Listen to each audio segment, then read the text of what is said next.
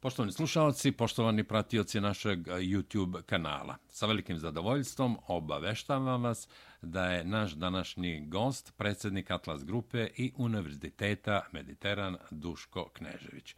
Gospodine Kneževiću, dragi prijatelju Duško, dobrodošlica ponovo na talase Srpkog radija Čikago. Ja, dobro, dobro vas našao, hvala. Pozdrav za sve vaše pratioce i za vaše slušalce nismo dugo komunicirali, ali evo... Tako je. Pa nismo ovako javno na radiju, ali smo bili u kontaktu. Jeste, dobro. Mislim na radio. Ovaj, da, a da. sad je baš dobar razlog i da popričamo javno o dešavanju u Crnoj Gori. Naravno, završene su predsjednički izbori u Crnoj Gori. Milo Đukanović posle 34 godine odlazi u političku penziju ili, kako neki kažu, možda i u spuž. Pobednik Jakov Milatović iz Evrope sad. Pa molim za komentar.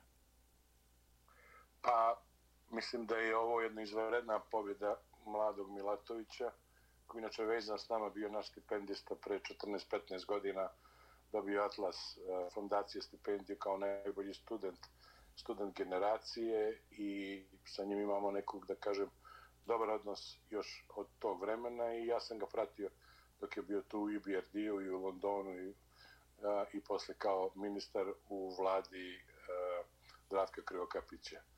A, ja, sam, ja sam verovao da će njegov nastup protiv, protiv kako se zove Mila Đukanović. Mila Đukanovića, Mila Đukanovića dati dobre rezultate zato što se radi o o diametralno suprotnim, ne znam ako ste čitali moju podršku. Da, jesam, jesam kampanje.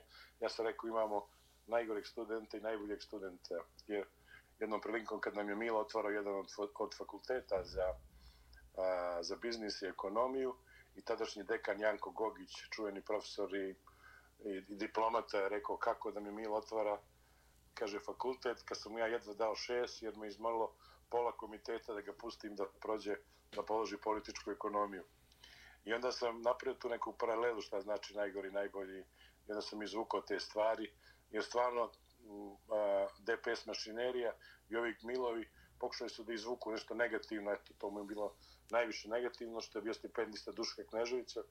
Ali kad su videli da se to negativno vraća u kampanji, su pa dobro, Duško Knežević dosta i vas finansirao i dosta je dosta je doprineo padu, padu Đukarovića, da su prestali čak i to da mu, da mu spominjem. Mislim da je narod shvatio a, i da je ova odluka, ova eh, izborna volja naroda baš došla u pravom momentu, a posebno što je tako ubedljivo, eh, ubedljivo više od 20, 20%, 20% razlike.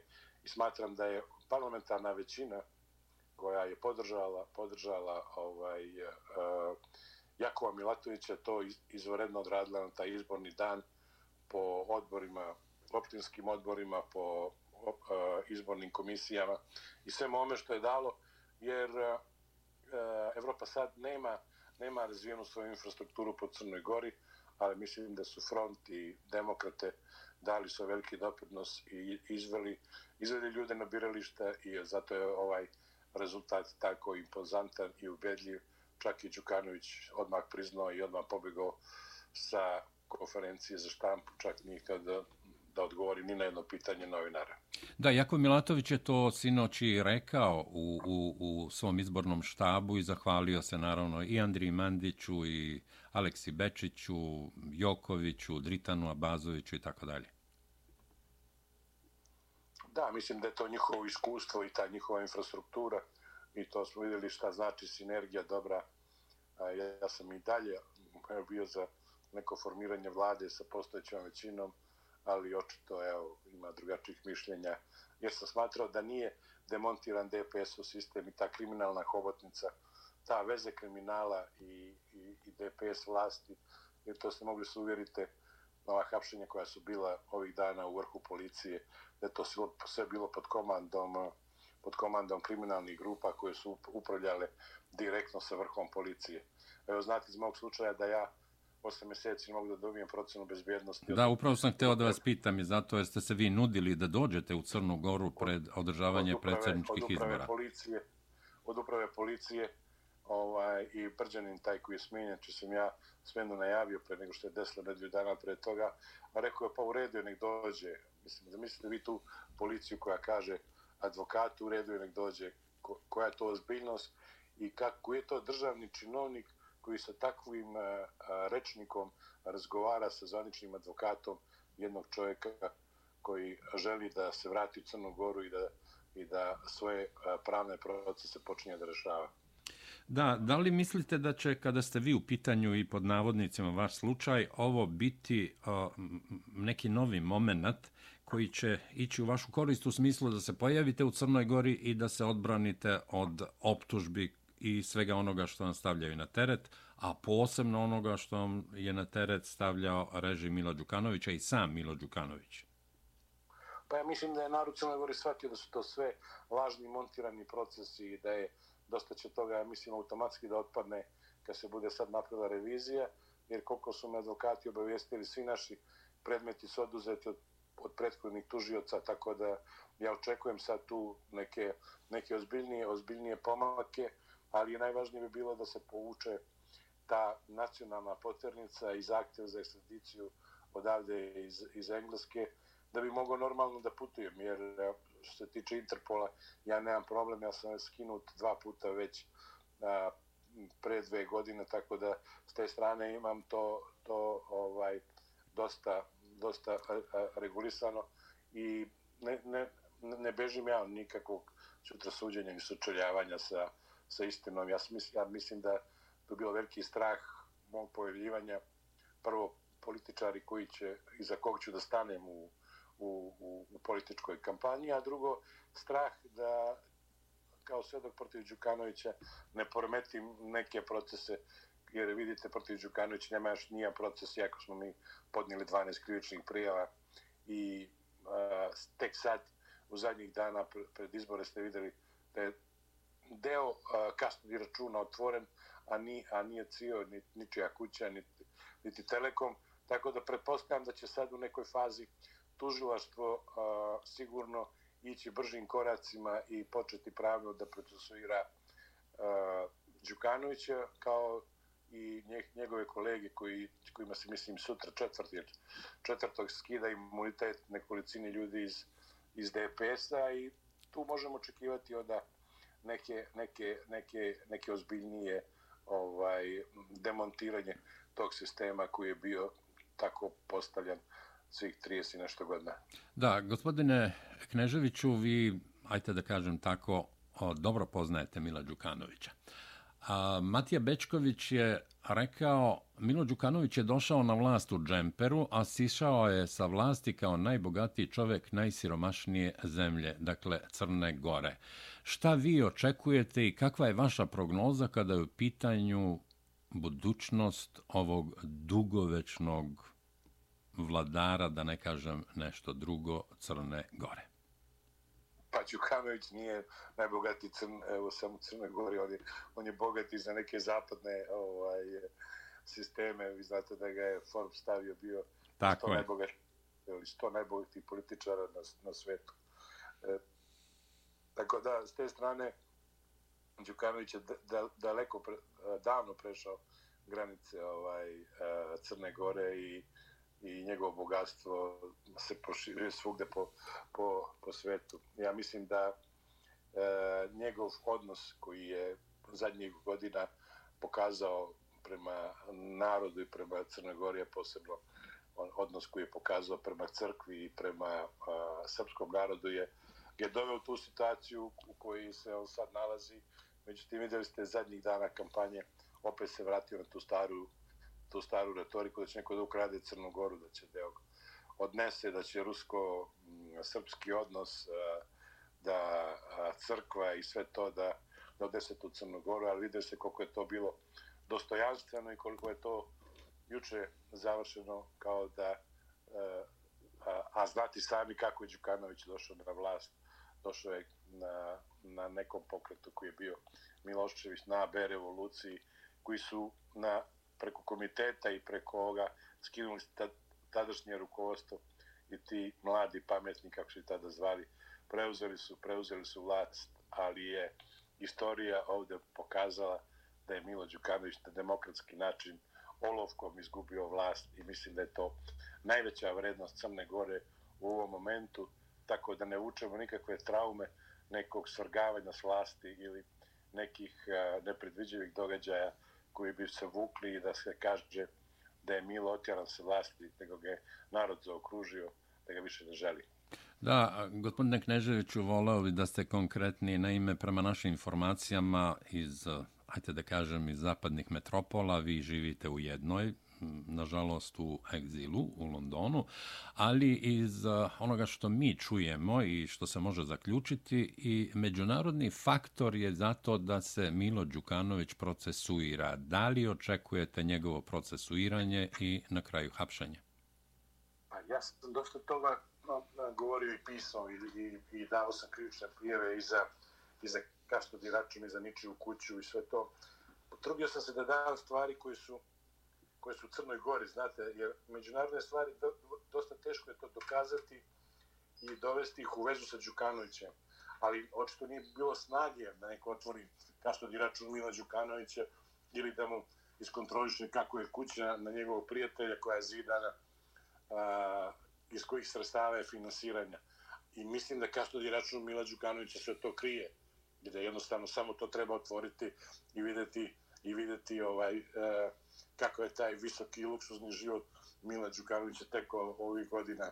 Jer ja sam za to da se da se konkretno nađu dokazi. Znate, kad vi pričate sad o milijardama Mila Đukanovića, narod to ne prima ništa. Ali kad im kažete, ničija kuća tu 2000 kvadrata, koji narod prođe pored ulice pa je vidi, to je za njih, to je za njih shvatio i oni mogu to da, da, da shvate o, o, o kakvoj se o kakvoj se nelegalnim, nelegalnim stvarima radi, jer ljudi žive u stanovima 50-60 kvadrata, nekoliko stotina metara od te vile i, i svako zna onda na koji način je ta vila stečena ni mogla se stečene sa milom platom od 1500 eura i sa svim tim, nego je stečene iz kriminalnih radnji, odnosno veze kriminalnih klanova, klanova sa milom. Ali evo, da ne bude da ja nešto sudim, jer sad izbjegavam kad je pao da baš mu ja sudim, nek mu sudi, nek mu sudi ovaj, sudovi narod i neka ga, neki se istoričari bave s njegovom, s njegovom lugom, a ja ću dati svoj doprinos u onome što ja znam iz one krivične prijeve koje, smo, koje su moji advokati potpisali. A gospodine Kneževiću i na samom kraju, naravno ne manje važno, predsjednik Srbije Aleksandar Vučić čestitao je pobedu Jakovu Milatoviću na predsjedničkim izborima, drugom krugu predsjedničkih izbora u Crnoj Gori. Vi ste se zalagali i zalažete se za najbolje odnose Srbije i Crne Gore, odnosno Crne Gore i Srbije. Čak ste se zalagali u jednoj od eh, naših emisija, odnosno u jednom od intervjua, da se ukine granica između Srbije i Crne Gore. Šta očekujete od Jakova Milatovića kada su u pitanju odnosi Crne Gore i Srbije, ali i odnosi u regionu? Pa ja mislim da će Jakov poraditi dosta sa odnosu sa, u regionu, posebno odnosi sa Srbijom i da će Jakov prihvatiti inicijativu otvorenog Balkana i da je to neki najbrži način da se neke stvari na, na Balkanu doteraju a i da se recimo uvede platni promet između Crne Gore i Srbije, da ne ide sa tako korespondenskih banaka, nego da to bude jedna brža, jer mislim da i privrednici tako dobili jednu, jednu mogućnost da mogu lakše da, da komuniciraju, kupuju, a sam uh, Open Balkan predviđa uh, rasterećenje granica uh, ljudi, usluge i svega onoga što je onaj, jer vidio ste Đukanović bio protiv toga, on je mislio da može direktno da uđe u Europsku uniju, ali ono što je i sam Milatović izjavio, Europska unija zahtjeva na, na, regionalnoj, na regionalnoj saradnji, jer bez regionalne saradnje nema ni, ni evropske saradnje. Ne možete vi više sarađivati sa, sa zemljama, recimo Beneluxa, nego sa svojim komšijama koji su oko, oko vas, koji su tu, koji su tu na Balkanu, tako? Naravno. Tako da je, da je prirodno da, da, da se ta okruženje, posebno radna snaga, trgovina voćem, povrćem, svega onoga što je što a, ne može da ide na daleka tržišta, da to se bude tu a, u nekom regionalnom poslu, onda priznavanje diploma, da nema posebnih sertifikata, jer ja sam kao član a, ovog samita 100 koji je se bavio a, još ranije zadnjih desete godina zalagao za to, međutim to je tada bilo izgleda ovaj jako ovaj prerano za, za sve to i mislim da bi to dovelo do, do velikog broja e, ljudi koji mogu da da rade po regionu ili da koriste svoje znanje u više republika ili u sad novih država koje su, koje su nastale, a i sami tim tu je još, eh, tu je još ovaj, Albanija. Gospodine Kneževiću, i na samom kraju, a hvala vam od srca što ste odvojili vaše vreme i govorili za Srpski radio Chicago i za naš YouTube kanal i nadamo se da i jedan i drugi da ćemo se videti u nekim boljim vremenima koja svakako nastupaju za Crnu Goru. Crna Gora je oslobođena, narod Crne Gore je oslobođen od eh, režima Mila Đukanovića. Nadam se da ćemo se videti u Podgorici. Hvala vam i posebno pozdrav našoj dijaspori tamo koja mogu vam reći da me slušaju uvijek kad ja nastupim na vašem radiju i na, i na svemu tome i da mi se javljaju, da mi pišu. I posebno pozdrav poseban pozdrav za njih, imam dosta prijatelja tamo koji su vaši slušalci, pratioci i evo prilikom koristim da ih sve, da ih sve pozdravim kako bi i oni znali da ja mislim na njih. Da, i evo na kraju zaboravio sam, ali moram da napomenem, nećete zaboraviti, nećete ovaj zameriti. Dakle, čestitam Jakovu Milatoviću. Čestitam svima koji su podržali Jakova Milatovića na ovim predsjedničkim izborima. Naravno, čestitam i vama i vašoj podršci i svemu onome što ste učinili na obaranju režima Mila Đukanovića. I moram da kažem da a, sam ja, odnosno i naši prijatelji, Srpski radio Chicago od 2000. godine zajedno sa našim kumom, nažalost upokojenim u gospodu Zoranom Žižićem u to vreme, predsjednikom Savezne vlade, a, zajedno ušli u, u ajte da kažem, taj projekat i borbu za obaranje režima Mila Đukanovića, naravno i s Andrijom Mandićem, Milanom Kneževićem, Nebojšom Medovićem i prijateljima u Crnoj Gori. Dakle, uh, velika zahvalnost i vama, ali da kažem i nama ovde koji smo podržavali tu borbu za, za rušenje ili kako kažu u Crnoj Gori oburdavanje režima Mila Đukanovića. Pa dobro, to ne ide, to je dug proces, znate, to ne ide preko noći, ali a, bez obzira svi mi koji smo učestvali u tome zajedno s vama, ja evo, imao sam tu priliku da u ovih 4-5 godina koliko intenzivno komuniciramo oko krize u Crnoj Gori, koliko, koliko je ljudi prošlo kroz vaš radio i kroz vaš studio i koji su i kako je situacija u Crnoj Gori praćena. I nama je jako važno da, da se to čuje u Americi jer stvarno je Amerika važan, važan partner uh, ovaj, Crne Gore i posebno ta jaka dijaspora koja je jako moćna, posebno u gradu Chicago gdje ste vi, jer uh, je, je tamo i ekonomska moć i ljudi koji znaju šta znači demokratija i mnogo, mnogo, mnogo, mnogo znači da, da se ti političari iz Crne Gore čuju, čuju u Americi i da to neko tamo ovaj protumači s dobrim namerama kao što ste vi radili svima tamo, ali ne zaboravite, na kraju je narod olovkom skinuo Milo Đukanovića. Tako je, tako je, tako je. Poštovani slušalci, poštovani pratioci našeg YouTube kanala, naš današnji dragi gost posle dužeg vremena bio je predsjednik Atlas Grupe i Univerziteta Mediteran Duško Knežević. Gospodine Kneževiću, dragi prijatelju Duško, hvala od srca. Hvala, prijatno. Prijatno.